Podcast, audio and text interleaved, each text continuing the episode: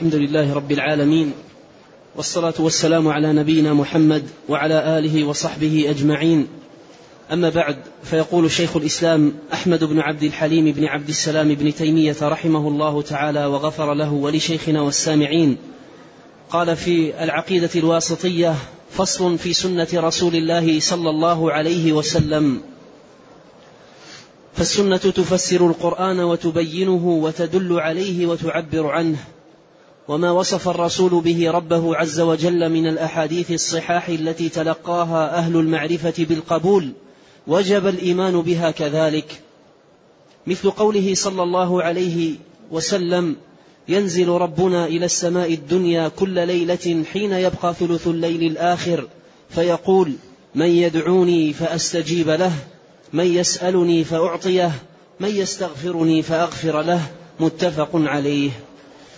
الحمد لله رب العالمين وأشهد أن لا إله إلا الله وحده لا شريك له وأشهد أن محمدا عبده ورسوله صلى الله وسلم عليه وعلى آله وصحبه أجمعين. أما بعد فهذا فصل عقده شيخ الإسلام ابن تيمية رحمه الله تعالى في كتابه العقيدة الواسطية لذكر الأدلة من السنة النبوية على صفات الله تبارك وتعالى. والفصل الحاجز بين الشيئين ودرج أهل العلم في كتبهم ومصنفاتهم إثبات هذه الكلمة إذا انتقل من موضوع إلى آخر أو من استدلال إلى آخر أو من مسألة إلى أخرى أو نحو ذلك يثبتون هذه الكلمة للفصل بين السابق واللاحق. فلما أنهى رحمه الله ذكر الأدلة على الصفات من القرآن قال فصل ثم أخذ يسوق الأدلة على الصفات من سنة النبي الكريم عليه الصلاة والسلام. وبدأ رحمه الله تعالى بمقدمة قبل سوقه للأدلة من السنة نبه فيها على مكانة السنة العظيمة. ومنزلتها العلية. وحيث إن هذا الفصل في ذكر أدلة السنة بعد سوق أدلة القرآن الكريم نبه رحمه الله تعالى على مكانة السنة. قال فصل في سنة رسول الله صلى الله عليه وسلم.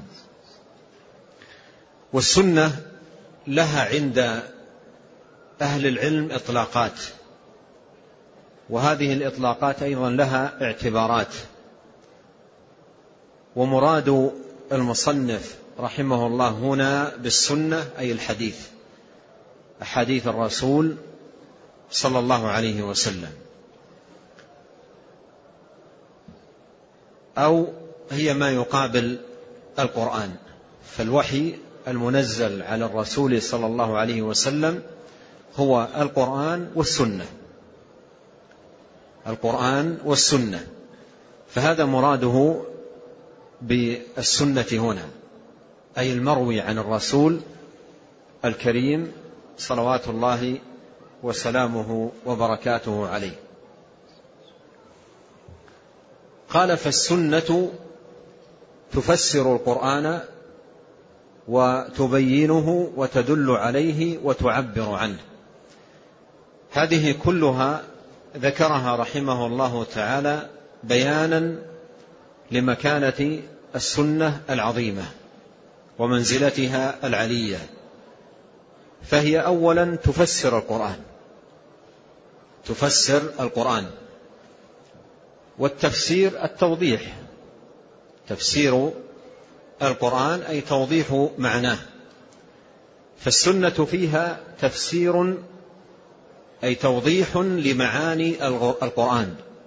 فإذا كان كانت بعض معاني القرآن غامضة يجد الإنسان في السنة ما يوضح ذلك ويجليه ويبينه فيتفسر القرآن والتفسير هو الكشف والإيضاح. الكشف والإيضاح. الفسر عن الشيء أي كشفه. فسر عن كمه أي كشفه. فالتفسير الإيضاح. فتفسر القرآن أي تكشف عن معانيه وتوضح معانيه وتجلي معانيه. وللتفسير الذي هو توضيح المعنى طريقتان. إما ذكر الألفاظ المرادفة أو المقاربة لللفظ المراد تفسيره بحيث يتضح المعنى بذكر المرادف أو المقارب. وتارة يكون التفسير بذكر الضد بذكر الضد. مثل لو قال قائل ما هو النور؟ قال ضد الظلمة. هذا يسمى تفسير. أو قال قائل ما هي الصحة؟ قال ضد المرض. هذا أيضا تفسير. فالتفسير تارة يكون ببيان المعنى عن طريق ذكر المرادف أو المقارب وتارة يكون بذكر المضاد ما يضاد اللفظ أو يضاد المعنى من أجل الإيضاح. قال فالسنة تفسر القرآن وتبينه. وتبينه. أي تبين معاني القرآن وما لم يتضح للتالي والقارئ والمتدبر لكلام الله سبحانه وتعالى يجد في السنة تبيانا لذلك. فالسنة مبينة.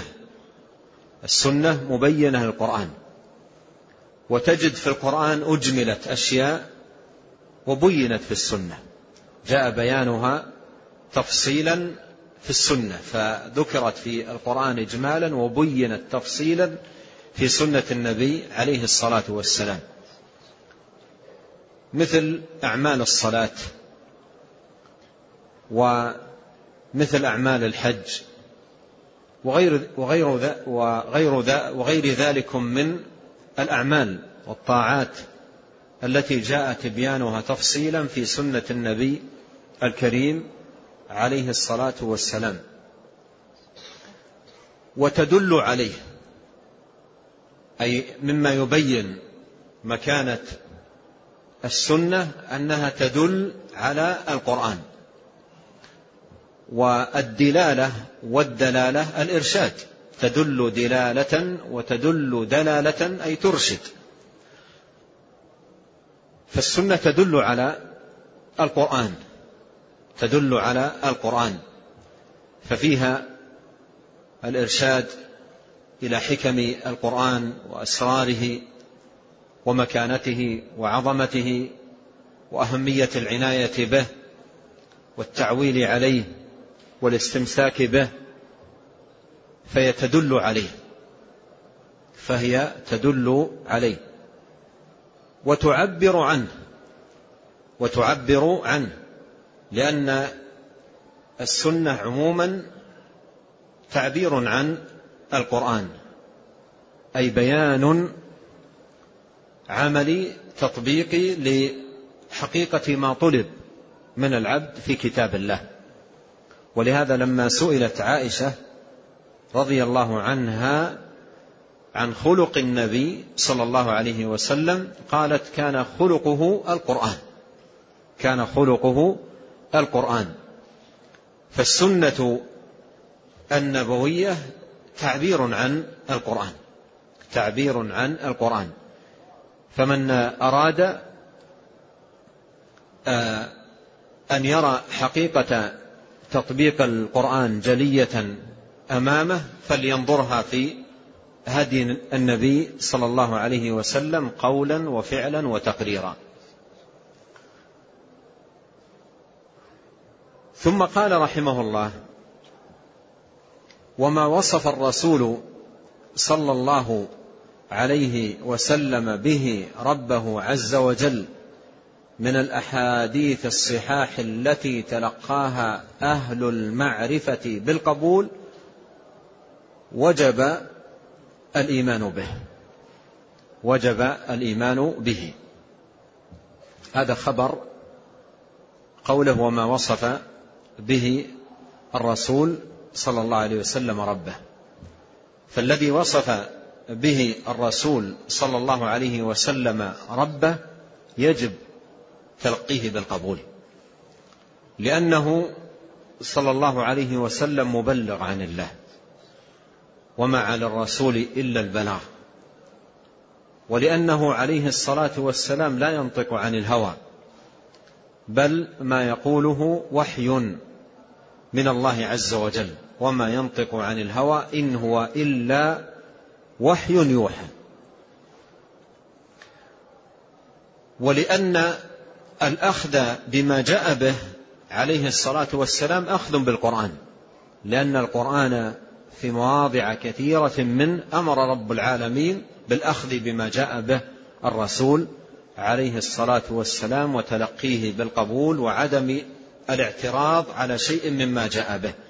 فلا وربك لا يؤمنون حتى يحكموك فيما شجر بينهم ثم لا يجدوا في أنفسهم حرجا مما قضيت ويسلموا تسليما. وما آتاكم الرسول فخذوه وما نهاكم عنه فانتهوا. فجميع ما جاء به صلى الله عليه وسلم من أوصاف ونعوت وإخبارات عن الله سبحانه وتعالى كلها يجب أن تتلقى بالقبول والتسليم.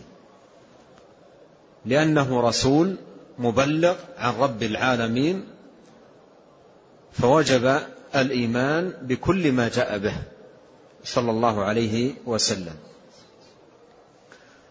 قوله وما وصف الرسول صلى الله عليه وسلم به ربه أي الأوصاف الثابتة في السنة. الأوصاف الثابتة في السنة وهناك أوصاف ثبتت بها السنة النبوية ولم تأتي في القرآن. لم تأتي في القرآن فهي حق. ويجب إثباتها مثل النزول وهو أول صفة ساقها المصنف رحمه الله تعالى ومثل الضحك ونحوها من صفات الله سبحانه وتعالى فهي صفات إنما وردت في السنة في سنة النبي الكريم عليه الصلاة والسلام. لها نظائر في في بابها صفات فعلية في القرآن الكريم كثيرة لكن هذه الصفات تحديدا إنما جاءت في سنة النبي الكريم عليه الصلاة والسلام. فتلقيها في القبول بالقبول واجب كتلقي ما جاء في القرآن لأنها كلها وحي. تلقيها واجب. القول في النزول الذي ثبتت به السنة كالقول في المجيء الذي ثبت في القرآن. الله في القرآن قال وجاء ربك والنبي صلى الله عليه وسلم قال في السنة ينزل ربنا. هذا حق وهذا حق. وهذا يجب أن يثبت وهذا يجب أن يثبت لأن الكل من عند الله وما على الرسول إلا البلاغ. ولهذا الواجب أن يثبت المسلم لله سبحانه وتعالى كلما أثبته له رسوله صلى الله عليه وسلم. قال وما وصف الرسول صلى الله عليه وسلم به ربه عز وجل من الأحاديث الصحاح. من الأحاديث الصحاح. والمراد بالصحاح أي الثابتة عن النبي صلى الله عليه وسلم سواء كان ثبوتها بطريق التواتر أو بطريق الآحاد فهي كلها حق. فالأحاديث الصحاح الثابتة التي تلقاها أهل المعرفة بحديث النبي عليه الصلاة والسلام بالقبول يجب أن تثبت لله سبحانه وتعالى. أن يثبت لله ما ورد فيها من صفات. قال الأحاديث الصحاح والحديث الصحيح. هو ما رواه العدل الضابط عن مثله من غير شذوذ ولا علة. هذه شروط خمسة. إذا اجتمعت في الحديث كان حديثا صحيحا لذاته. فإذا نقص شرط من هذه الشروط وجاء ما يجبر هذا الحديث صار صحيحا لغيره. صار صحيحا لغيره. والمراد أن الحديث الصحيح الثابت عن الرسول الكريم عليه الصلاة والسلام يجب أن يتلقى ما جاء فيه بالقبول وعدم الرد. وقوله التي تلقاها أهل المعرفة بالقبول تلقاها أهل, أهل المعرفة بالقبول الأحاديث التي تلقاها أهل المعرفة بالقبول قول أهل المعرفة أي بأحاديث الرسول عليه الصلاة والسلام الذين هم أهل الدراية بالتمييز بين صحيح الحديث وضعيفه وحسنه وسقيمه. فهذا أمر لا يتلقى من كل أحد بل يتلقى من أهل الاختصاص. وقد شبه عدد من أهل العلم نقاد الحديث في تمييزهم بين صحيح الحديث وضعيفه اختصاصهم بهذا الأمر ودرايتهم به بالصيارفة. الصيارفة الذي مهمته التعامل بالعمل. فتجده يميز العمل ويميز المزور منها والمغشوش ويعرفها وكلما كان صاحب صنعة خبير ازدادت معرفته وكشفه للمزور منها والمغشوش. وشأن أئمة الحديث وأهل المعرفة بحديث الرسول صلى الله عليه وسلم كذلك. يميزون بين الحديث الصحيح وما لا يصح. وإذا ذكر لهم الحديث بنظرة سريعة في إسناده قال هذا لا يصح لكذا أو فيه كذا أو علته كذا أو فيه علل الأولى الثانية الثالثة. فهؤلاء هم الذين يؤخذ عنهم. أما من لا خبرة له بالأمر ولا معرفة له به فلا يؤخذ عنه وإنما يؤخذ عن أهل الشأن. كما أنه في كل أمر من الأمور يؤخذ من أهل الاختصاص فيه فكذلك هم الشأن في هذا العلم الشريف العظيم. ولهذا قال رحمه الله تعالى التي تلقاها أهل المعرفة بالقبول. أهل المعرفة أي بحديث الرسول عليه الصلاة والسلام. أما من لا معرفة لهم بالحديث فهؤلاء إن قالوا صح الحديث أو قالوا لم يصح إن قالوا صح الحديث أو قالوا لم يصح هذا كله لا قيمة له أو لا يلتفت إليه. كله لا يلتفت إليه ولا يؤبه به لأنهم ليسوا أهل هذا الشأن ولا أهل الدراية به. سواء من أرباب الكلام الباطل أو من أرباب الطرق الزائفة. فلا هؤلاء يؤخذ عنهم ولا أولئك. وأرباب الكلام الباطل ادعوا أنهم لا يقبلون في هذا الباب إلا ما تواتر نقله عن النبي الكريم عليه الصلاة والسلام. وقالوا في هذا المقام إن خبر الآحاد لا يحتج به في الاعتقاد. وهذه بدعة لم تعرف إلا عند المعتزلة هم الذين أنشأوها. أن خبر الآحاد لا يحتج به في الاعتقاد. أول من أنشأ هذه البدعة هم.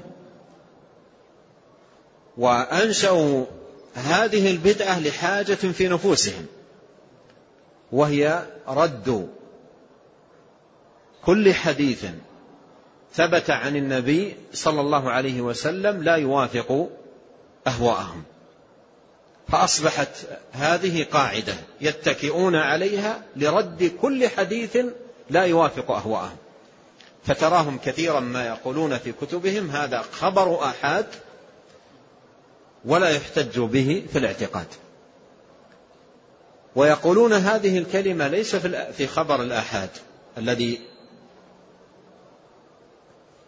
آه، يعرف أهل الصناعة أنه خبر آحاد بل يقولون ذلك في المتواتر. أحاديث قال أهل المعرفة بحديث الرسول صلى الله عليه وسلم عنها إنها متواترة. فرد هؤلاء بهذه الدعوة الزائفة قالوا هي خبر آحاد ولا يحتج به في الاعتقاد. وتراهم في الوقت نفسه يحتجون بالحديث الموضوع الباطل الذي يؤيد أهواءهم. الذي يؤيد أهواءهم. فيحتجون به ويبنون عليه عقائد وأديان وأعمال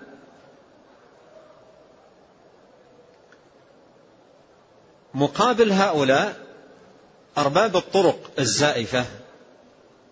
أيضا كلامهم في هذا الباب لا يؤخذ. لا يؤخذ. ولهم عبث مشين في, في هذا الباب قبيح للغاية. ولهم أيضا تهكم وسخرية بشيء اعتبره الأئمة جزء من الدين وهو الإسناد. فالإسناد جزء من الدين. فلهم سخرية بالأسانيد وانتقاص لها واحتقار للمعتنين بها وتقليل من شأنها وهذا معروف عند أرباب الطرق. ومن تهكمهم بأهل الحديث وعنايتهم بالأسانيد قولهم أنتم تأخذون أحاديثكم ميتا عن ميت. تأخذونها ميتا عن ميت. يقول أحدكم حدثنا فلان عن فلان عن فلان عن فلان أين هم؟ أموات. أما نحن نأخذ أحاديثنا عن الحي الذي لا يموت. يقول أحدنا حدثني قلبي عن ربي. حدثني قلبي عن ربي.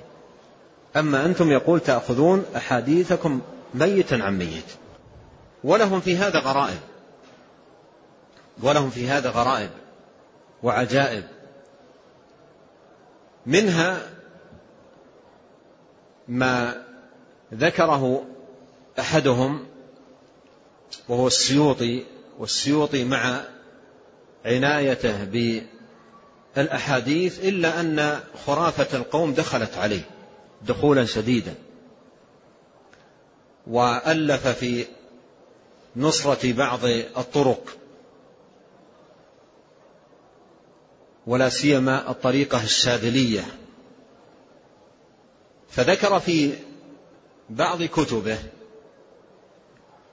ذكر في بعض كتبه أن فقيها أن فقيها يحدث فذكر حديثا. وكان شيخا من الشيوخ الذين هم أرباب الطرق حاضرا فقال له الحديث ضعيف. وهو معروف أنه ليس من أهل الصناعة ولا أهل الدراية بالأحاديث كيف يحكم عليها وكيف تعرف عللها. قال الحديث ضعيف. فقال له وما يدريك؟ وما يدريك؟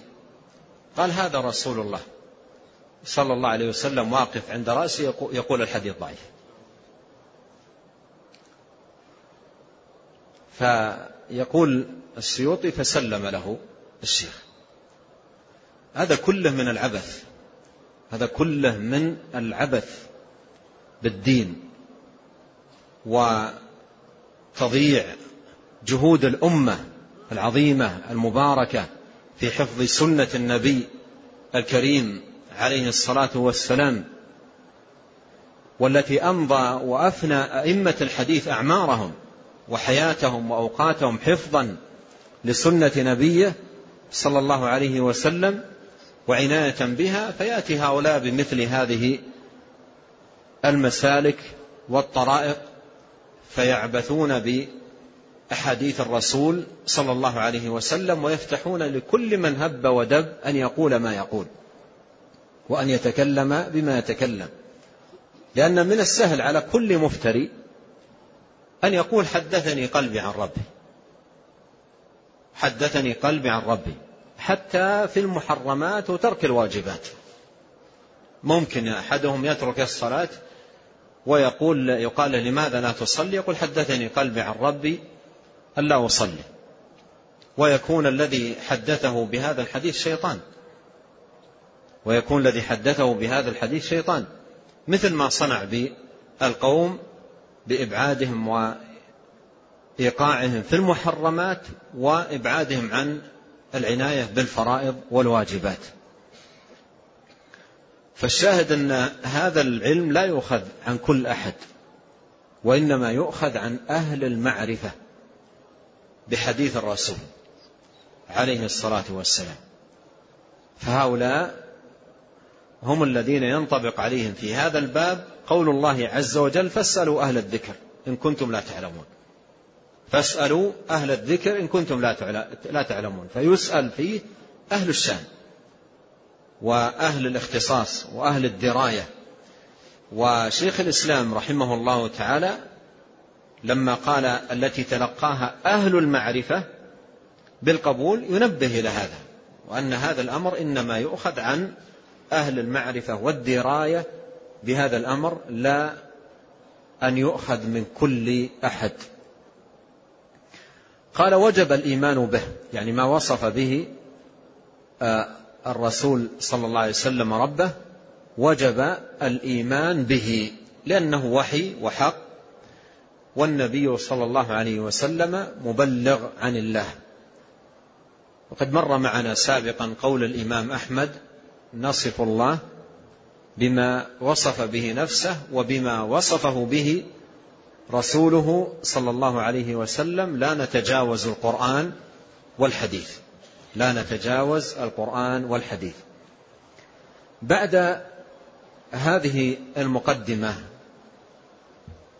شرع رحمه الله في ذكر بعض الأمثلة.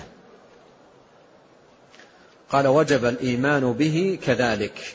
قوله كذلك أي مثل ما وجب الإيمان بما ثبت في القرآن فكذلك وجب الإيمان بما ثبت في سنة النبي صلى الله عليه وسلم. ثم أخذ يسوق بعض الأمثلة قال مثل قوله صلى الله عليه وسلم ينزل ربنا إلى سماء الدنيا كل ليلة حين يبقى ثلث الليل الآخر فيقول من يدعوني فأستجيب له من يسألني فأعطيه من يستغفرني فأغفر له. متفق عليه. وهذا الحديث معروف عند أهل العلم بحديث النزول. وشيخ الإسلام ابن تيمية رحمه الله أفرد فيه مجلدا كبيرا في شرح هذا الحديث وبيان معناه ورد الأقاويل الباطلة والشبهات الزائفة التي قالها أهل الباطل وأئمة الضلال ردا لهذا الحديث الثابت عن رسول الله صلى الله عليه وسلم. وقد نص أهل العلم على تواتر هذا الحديث نص أهل العلم على تواتر هذا الحديث فهو حديث متواتر نقله عن النبي صلى الله عليه وسلم. وأحسن من اعتنى بجمع روايات هذا الحديث وألفاظه العلامة ابن القيم رحمه الله تعالى في كتابه الصواعق المرسلة. وذكر أن عدد من روى هذا الحديث من أصحاب النبي صلى الله عليه وسلم ثمانية وعشرين نفسا. كلهم نقلوا هذا الحديث ورووه عن النبي صلى الله عليه وسلم. 28 صحابيا كلهم نقلوا هذا الحديث عن الرسول الكريم صلى الله عليه وسلم. وكلهم سمعوه يضيف فيه النزول إلى الله. يقول ينزل ربنا. ينزل ربنا.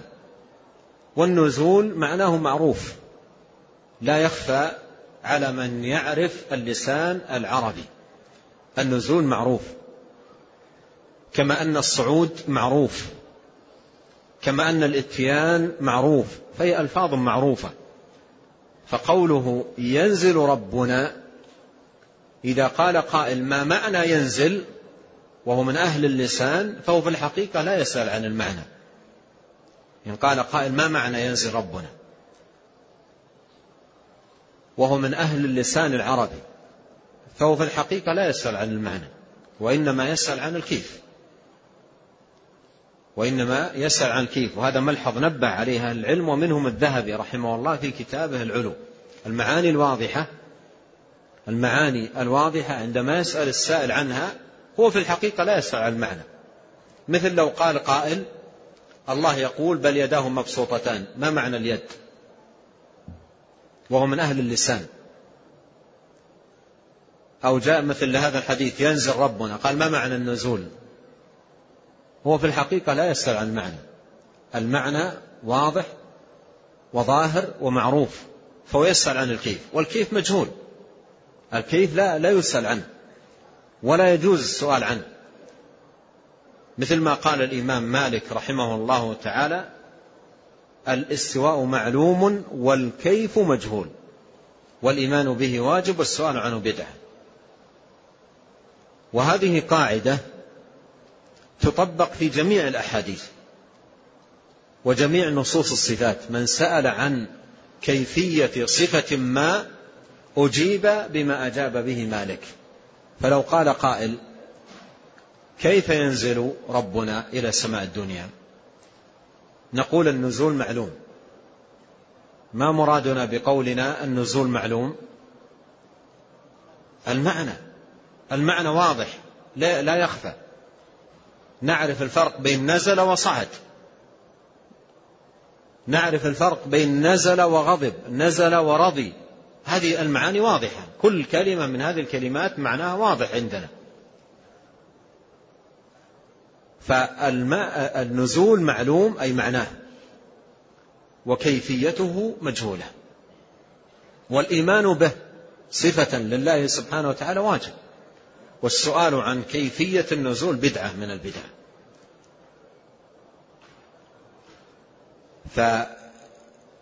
فالنزول حق وثابت ويجب أن يثبت لله سبحانه وتعالى كما أثبته له نبيه عليه الصلاة والسلام وتلقاه الصحب الكرام بالقبول وتلقاه عنهم التابعون بالقبول ولم يعترض أحد حتى نشأت البدع بدع أهل الكلام الباطل فبدأوا يعترضون وينتقدون. فيثبت النزول لله ويصان. عن التشبيه يصان عن التشبيه من قال ينزل كنزولنا فقوله كفر بالله وباطل. قوله كفر بالله وباطل وضلال. وأحد الأدعية اتهم شيخ الإسلام ابن تيمية رحمه الله بأنه يقول ذلك وحاشاه. وحاشا كل إمام من أئمة السلف أن يقول مثل هذا الباطل. وشيخ الإسلام في كتابه شرح حديث النزول وهو مطبوع في مواضع عديدة يقول ينزل لا كنزولنا. في مواضع عديدة يقول ينزل لا كنزولنا. ثم ينسب إليه بعضهم أنه يقول ينزل كنزول هذا. قاتل الله المفترين أن يوفكون هذا افتراء وكذب وتنفير من الحق وأهله. وإلا ابن تيمية رحمه الله في كتبه ومنها شرح حديث النزول يقول ينزل لا كنزولنا أي نزولا يليق بالله سبحانه وتعالى. فالله ينزل إلى سماء الدنيا ومن قال ينزل كنزولنا فقوله كفر بالله. لأن هذا تشبيه والله يقول ليس كمثله شيء. ويقول هل تعلم له سميا؟ ويجب أن يصان أيضا النزول عن التكييف كأن يحاول الإنسان بعقله القاصر وفكره الضعيف أن يعرف كيفية هذا النزول. والتكييف هو السؤال عن الصفة بكيف ويحاول أن يبحث في عقله وفكره عن الكيفية. فهذا أيضا باطل. ويجب أن يحذر الإنسان منه. الكيف مجهول لا نعلمه. ولا يجوز أن نخوض فيه. ويجب أن نحذر من الخوض فيه لأن عقولنا قاصرة وعاجزة من أن تبلغ كنها وكيفية صفات الباري سبحانه وتعالى. ويجب أن تصان هذه الصفة عن التأويل الذي هو التحريف وما أكثر التحريف في كتب أهل الباطل وحمل اللفظ على معاني بعيدة. مثل قول أهل الباطل ينزل ربنا قالوا المراد بالنزول نزول الملك. ينزل ربنا أي ملك ربنا. وبعضهم قالوا ينزل أمر ربنا. والحديث نفسه رد عليهم الحديث نفسه رد عليهم لأن إذا قيل بهذا التأويل ينزل ملك ربنا. ثم قرأنا الحديث بتمامه. ماذا سيكون؟ لو قيل كما يقول هؤلاء ينزل ملك ربنا إلى سماء الدنيا كل ليلة في ثلث الليل الآخر فيقول من يدعوني؟ من يسألني؟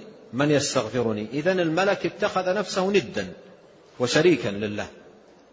وهذا لازم لقول هؤلاء. لا منص عنه. وفي بعض رواية روايات الحديث يقول الله لا أسأل عن عبادي أحدا غيري. ينزل ربنا إلى سماء الدنيا فيقول لا أسأل عن عبادي أحدا غيري. فإذا قالوا إن الذي ينزل الملك فمعنى ذلك أن الذي يقول هذا الكلام هو الملك. ولو كان الذي ينزل الملك كما يدعي هؤلاء لقال الناصح الأمين صلى الله عليه وسلم ينزل ملك ربنا إلى سماء الدنيا كل ليلة فيقول يقول الله تعالى من يدعوني. هذا هذا مقتضى النص مثل ما جاء في الحديث الآخر في الصحيحين إن الله إذا أحب عبده نادى جبريل إني أحب فلانا فأحبه. فيحبه جبريل فينادي في أهل السماء إن الله يحب فلانا فأحبه. فلو كان الذي ينزل ملك لجاءت الصيغة مثل هذا. ينزل ملك ربنا إلى سماء الدنيا كل ليلة فيقول يقول الله من يدعوني. فالحديث رد على هؤلاء. فالحديث رد على هؤلاء وألفاظه رد على هؤلاء. وشيخ الإسلام ابن تيمية رحمه الله التزم أنه لا يستدل مبطل على باطله في حديث بحديث عن رسول الله صلى الله عليه وسلم إلا وكان في الحديث نفسه رد عليه.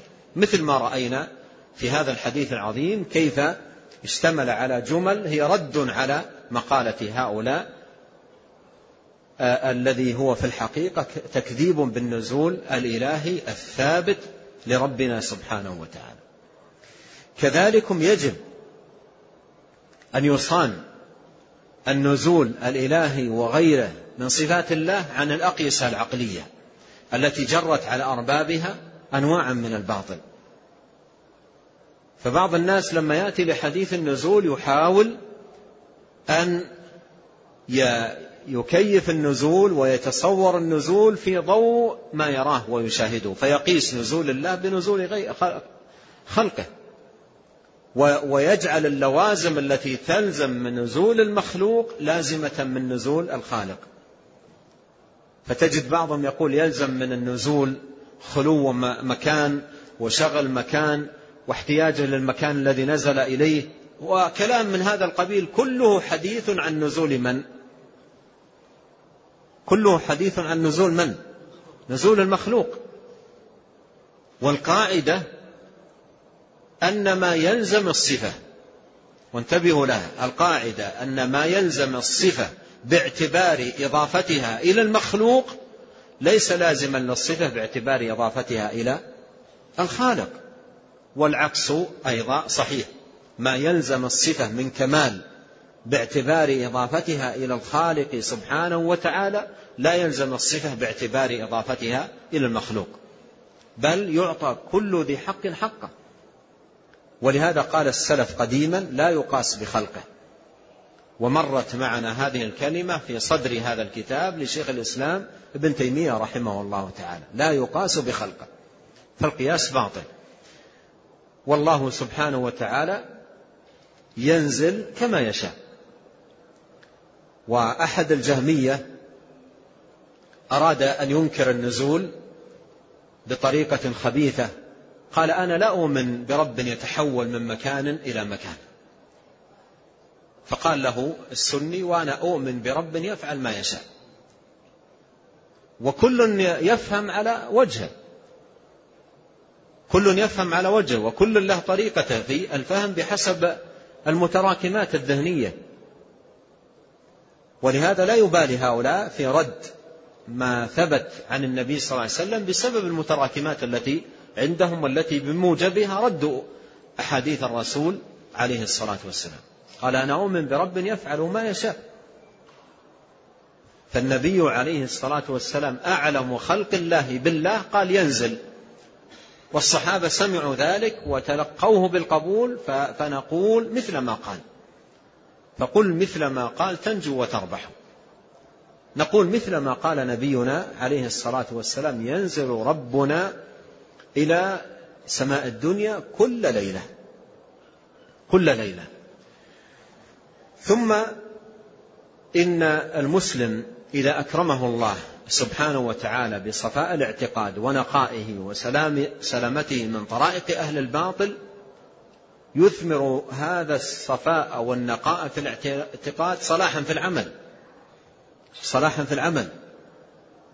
بينما إذا اشتغل الإنسان بما اشتغل به أرباب الكلام الباطل عاقه اشتغاله الكلام في رد ما جاء عن الرسول صلى الله عليه وسلم عن الثمرة المرجوة من صحة الاعتقاد وهي استقامة العمل. فلاحظ هذا جيدا. من أكرمه الله بصحة الاعتقاد أثمر أثمرت هذه الصحة صحة في العمل. ومن ضيع الاعتقاد ساء منه العمل. ينزل ربنا كل ليلة إلى سماء الدنيا في ثلث الليل الآخر فيقول من يسألني؟ من يدعوني؟ من يستغفرني؟ إذا وقف الواقف عند أول الحديث منكرا ومعترضا ومنتقدا متى عساه أن يعظم هذا الوقت الشريف الفاضل الذي ينزل فيه الرب سبحانه وتعالى إلى سماء الدنيا؟ متى عساه أن يعرف قيمة هذا الوقت ومكانته ويقبل على الله؟ وهو تنتابه تلك العقائد الباطلة والشكوك فتضعف فيه العمل إضافة إلى انحراف الاعتقاد. وهذا كما قال أهل العلم من شؤم العقيدة. هذا من شؤم العقيدة الفاسدة وضررها على أصحابها. قال ينزل ربنا إلى سماء الدنيا كل ليلة في ثلث الليل الآخر. هذا فيه فضل هذا الوقت. الثلث الأخير من الليل. وإذا أردت أن تعرف هذا الوقت فانظر متى يؤذن المغرب ومتى يؤذن الفجر واقسم ما بينهما إلى ثلاثة أثلاث. وانظر في الثلث الأخير منها. الثلث الأخير منها. فقال ينزل ربنا في ثلث الليل الآخر. في ثلث الليل الآخر. وثلث الليل قد يطول وقد يقصر. بحسب طول الليل وقصره. كما أن الليل في الشتاء يطول وفي الصيف يقصر فثلث الليل يطول ويقصر مدته. قال ينزل ربنا في ثلث الليل الآخر. في ثلث الليل الآخر هذا فيه دلالة على فضل هذا الوقت. وأنه أرجى أوقات الإجابة وأحرى أوقات الدعاء وأفضلها. ووقت مبارك وعظيم وقت ذكر وصلاة وتلاوة قرآن ودعاء ومناجاة واستغفار. قال الله تعالى والمستغفرين بالأسحار وقال تعالى وبالأسحار هم يستغفرون. فوقت دعاء وذكر واستغفار وصلاة ومناجاة. وقت عظيم مبارك. والدعاء فيه لا يرد. من يدعوني فأستجيب له. هذا هذا قول الله جل شأنه. من يدعوني يقول من يدعوني فأستجيب له. من يسألني فأعطيه. من يستغفرني فأغفر له. فالدعاء لا يرد. والاستغفار يقبل. فوقت شريف ووقت فاضل ينبغي على المسلم أن يغنمه وأن يحرص عليه أشد الحرص وأن يجعل لنفسه حظا ونصيبا منه. ولكن هذا الوقت مع شرفه ومكانته العظيمة ومنزلته العلية وعلمنا بفضله ووقوفنا على الأحاديث الدالة على فضله إلا أن شرف هذا الوقت ومكانته مضيعة كثيرا في وقتنا وفي زماننا هذا.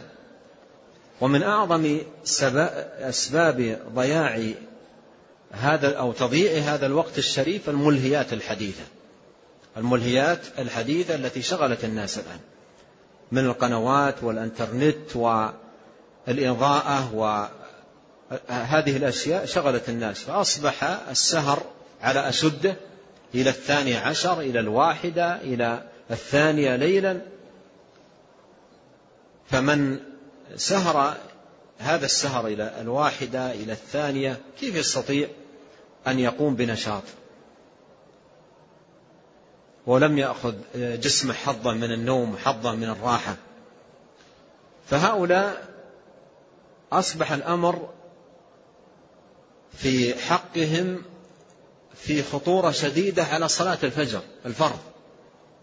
الخطورة الآن على الفرض صلاة الفجر. والمحافظة عليها. أما ذاك الوقت الفاضل الشريف فذهب في خبر كان. لكن الكلام على صلاة الفجر. وأصبح كثير من الناس حتى بعض المنتسبين لطلب العلم يفوت مرات ومرات أحيانا في الأسبوع مرتين ثلاث تفوت صلاة الفجر. تفوته صلاة الفجر. أو لا يبكر لها. أو لا يبكر لها. يبقى على فراشه إلى أن تقام الصلاة وبعد الإقامة يتوضأ. بعد الإقامة يتوضأ ويذهب يدرك آخر الصلاة وقت السلام أو في الركعة الأخيرة وهكذا حاله. إذا كان الإنسان بهذه الصفة أين هو وأين ذاك الوقت الفاضل؟ الشريف المبارك. ومن أراد اغتنام مثل هذا الوقت يعد له عدته ويتهيأ له حتى يكسب ويغنم. قال ينزل ربنا إلى سماء الدنيا كل ليلة في ثلث الليل الآخر فيقول من يدعوني؟ فأستجيب له من يستغفرني فأغفر له من يسألني فأعطيه. وهذا فيه إثبات القول الله يقول ذلك. وهذا كلام الله سبحانه وتعالى وهو جل وعلا الذي يقول ذلك. ولا يصح أن يقال إن هذا قول غير الله. أيصح أن يقال هذا قول غير الله؟ فيقول من يدعوني من يستغفرني من يسألني. هذا كلام الله. فهذا فيه إثبات القول لله سبحانه وتعالى. وأيضا فيه عظم فضل الله وعظم كرمه وإنعامه سبحانه وتعالى كل ليلة ينزل إلى سماء الدنيا ويقول من يسألني من يستغفرني من يدعوني. وهذا خير عظيم. ومن اشتغلوا بالكلام الباطل أخذوا يشغبون في رد هذا الخير. يلزم من النزول كذا ولو أثبتنا النزول للزمنا لازم كذا وأخذوا يعترضون. ففوتوا على أنفسهم وعلى من أصغى لهم خير هذا الحديث وبركته. فهذا وقت شريف والدعاء فيه مستجاب. الدعاء فيه مستجاب ولا يرد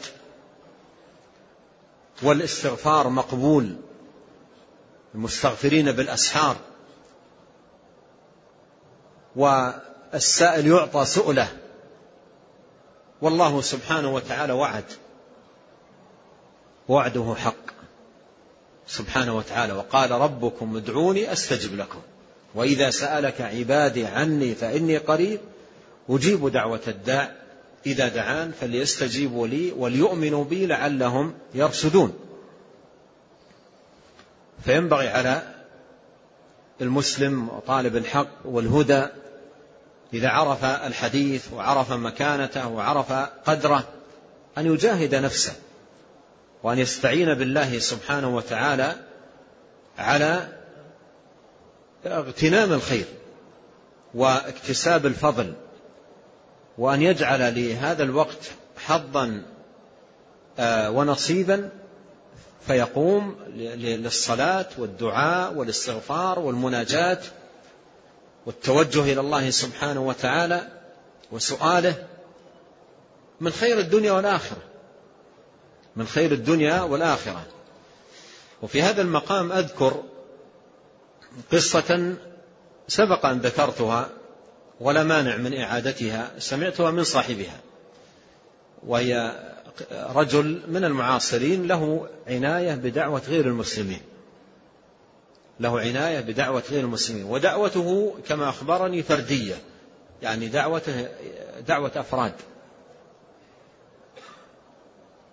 فيقول طريقتي أني إذا أصبحت أمشي فإذا رأيت أحد من غير المسلمين جالس وحده وخاصة إذا رأيت عنده مشكلة متضايق حزين إلى آخره أجلس عنده وأسأل بعض الأسئلة عن أولاده عن صحته عن ثم أبدأ أحدثه عن سماحة الدين وفضل الإسلام وكيف أن الإسلام يحل المشكلات. يقول وقبل ذلك في الثلث الأخير من الليل أقوم ساعة. وأصلي ما كتب الله وأدعو الله يقول ومما أدعو الله به أن ألح على الله أن يخرج على يدي من النار. ألح على الله يقول يا رب أخرج على يدي من النار. فيقول لي الشخص بعبارته وأسلوبه البسيط قال والله كريم ما يردني. يقول يعطيني في اليوم اثنين ثلاثة أربعة ما يردني. يقول يعطيني اثنين ثلاثة أربعة خمسة. ما ما ردني. فمثل هذا وله نظائر كثيرة. يعني مثلا بعض طلبة العلم تكون أمة على غير الإسلام.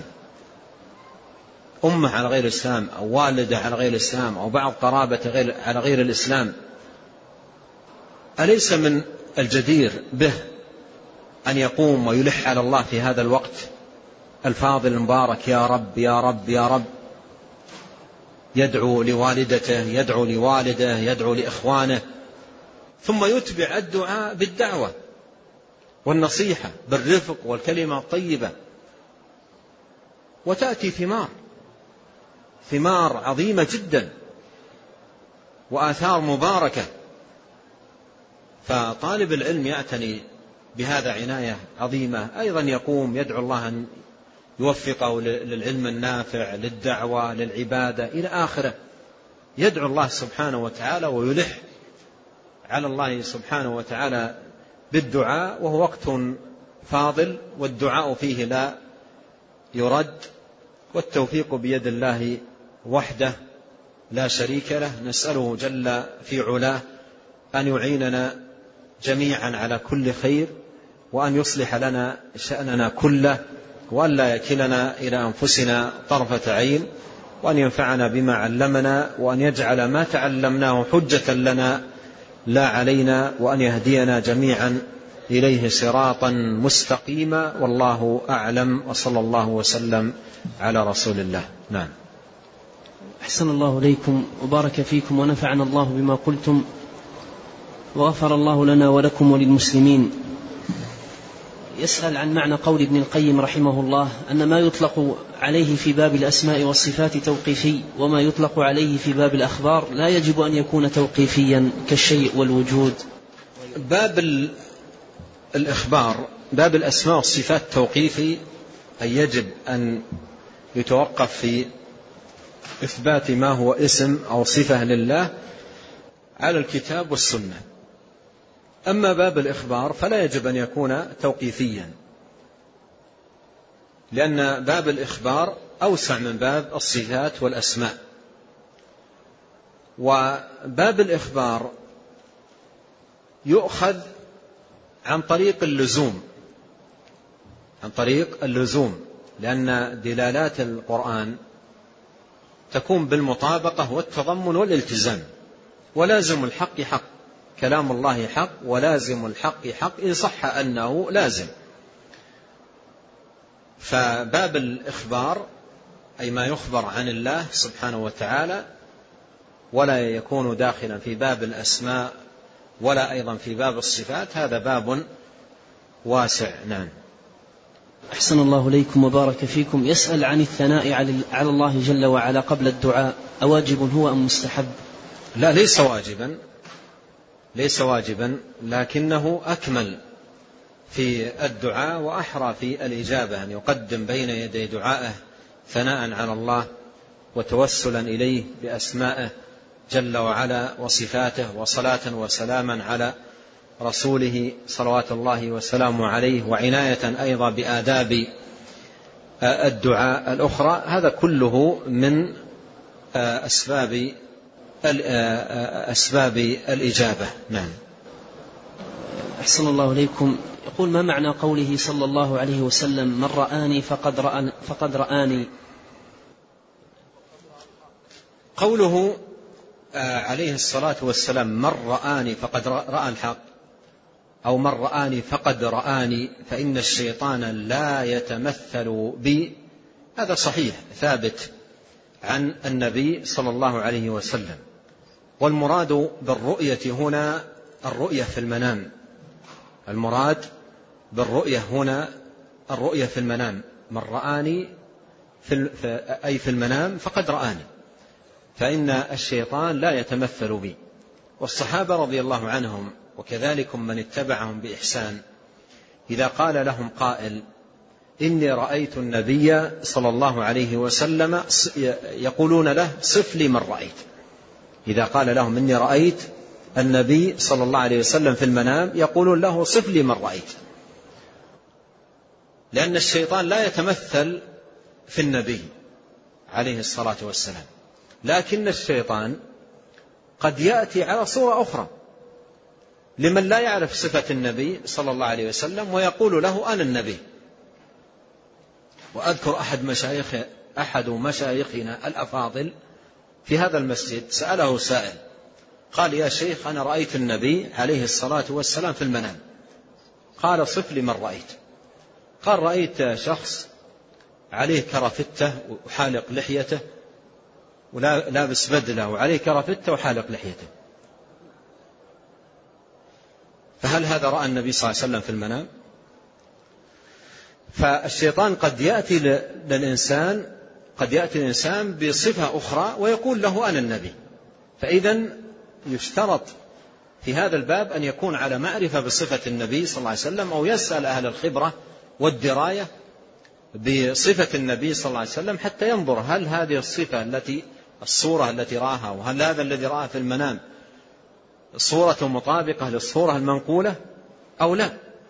فالشيطان لا يتمثل يعني لا يمكن أن يأتي إلى الإنسان بصورة النبي صلى الله عليه وسلم الحقيقية. لكن قد يأتي في صورة أخرى. هذه واحدة.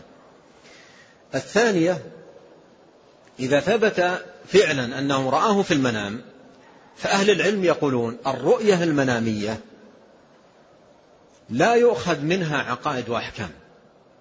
لأن العقيدة والأحكام كملت بحياته. ولم يمت عليه الصلاة والسلام حتى أنزل الله قوله اليوم أكملت لكم دينكم وأتممت عليكم نعمتي ورضيت لكم الإسلام دينا. فدين الله كامل. فلو جاءنا شخص مثلا في هذا الزمان وقال يجوز أن نعبد الله بكذا وكذا وكذا. قيل ما الدليل؟ قال رأيت النبي صلى الله عليه وسلم في المنام فقال لي ذلك. يقبل منه؟ لا يقبل. لأن الرؤية المنامية لا يؤخذ منها حكم ولا يؤخذ منها عقيدة. العقيدة والأحكام تؤخذ من الكتاب والسنة. وفي الكتاب والسنة دين الله كامل عقيدة وعبادة وخلقا. فمن جاء بعقيدة أو بعمل أو بشيء من هذه الأمور وبناه على المنام فهذا يرد عليه ولا يقبل منه. لأن دين الله سبحانه وتعالى كامل. اليوم أكملت لكم دينكم وأتممت عليكم نعمتي ورضيت لكم الإسلام دينا. وأصحاب الطرق. روجوا لكثير من باطلهم بمثل هذه الدعاوى. مثل هذه الدعاوى. فواجب على المسلم أن يحذر من ذلك أشد الحذر. نعم. أحسن الله إليكم وبارك فيكم. يقول ما هو العلاج في دفع الوساوس خاصة في العقيدة؟ الوساوس يحتاج من ابتلي بشيء منها إلى أمور. منها الاستعاذة بالله يستعيذ بالله سبحانه وتعالى وأن يعتني بذكر الله وتأمل في أسمائه وأيضا أن ينتهي عن الاسترسال مع هذه الوساوس يحاول ألا يسترسل معها وكذلكم لا يحدث أحدا بها لا يحدث أحدا بها ولا يتكلم بها. قد جاء في الحديث أن بعض أصحاب النبي صلى الله عليه وسلم قالوا إن أحدنا لا يجد في نفسه ما أن يتكلم به ما أن يخر من السماء أحب إليه من أن يتكلم به. قال أوجدتم ذلك؟ قالوا نعم. قال ذلك صريح الإيمان. فإذا كان العبد مبغض لهذه الوساوس كاره لها ومجاهد نفسه على الانتهاء عن الاسترسال معها ولا يحدث بها أحدا ويستعيذ بالله سبحانه وتعالى منها ومن شرها فإنها لا تضره بإذن الله عز وجل. نعم. أحسن الله إليكم. يقول هل ثبتت أسماء بالسنة فقط؟ أسماء لله جل وعلا بالسنة نعم فقط؟ نعم جاءت أسماء عديدة. إنما آه، كان ثبوتها في سنة النبي عليه الصلاة والسلام مثل المحسن والديان وأسماء عديدة. إنما ثبتت في آه، السنة سنة النبي الكريم عليه الصلاة والسلام.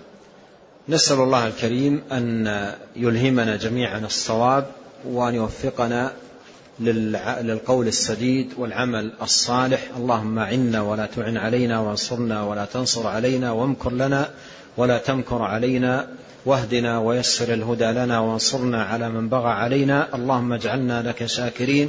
لك ذاكرين إليك أواهين منيبين لك مخبتين لك مطيعين. اللهم تقبل توبتنا واغسل حوبتنا وثبت حجتنا واهد قلوبنا وسدد ألسنتنا واسلل سخيمة صدورنا. اللهم وألف ذات بيننا واهدنا سبل السلام ولا تكلنا إلى أنفسنا طرفة عين. اللهم إنا نسألك الثبات في الأمر والعزيمة على الرشد. ونسألك قلبا سليما ولسانا صادقا. ونسألك شكر نعمتك وحسن عبادتك. ونسألك من خير ما تعلم ونعوذ بك من شر ما تعلم.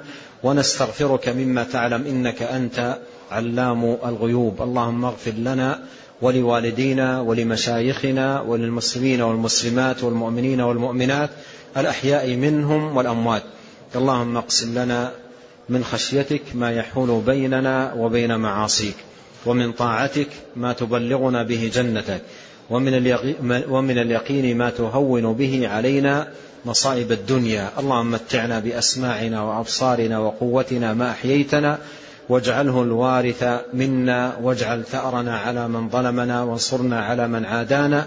ولا تجعل مصيبتنا في ديننا ولا تجعل الدنيا أكبر همنا ولا مبلغ علمنا ولا تسلط علينا من لا يرحمنا. سبحانك اللهم وبحمدك أشهد أن لا إله إلا أنت أستغفرك وأتوب إليك. اللهم صل وسلم على عبدك ورسولك نبينا محمد وآله وصحبه أجمعين.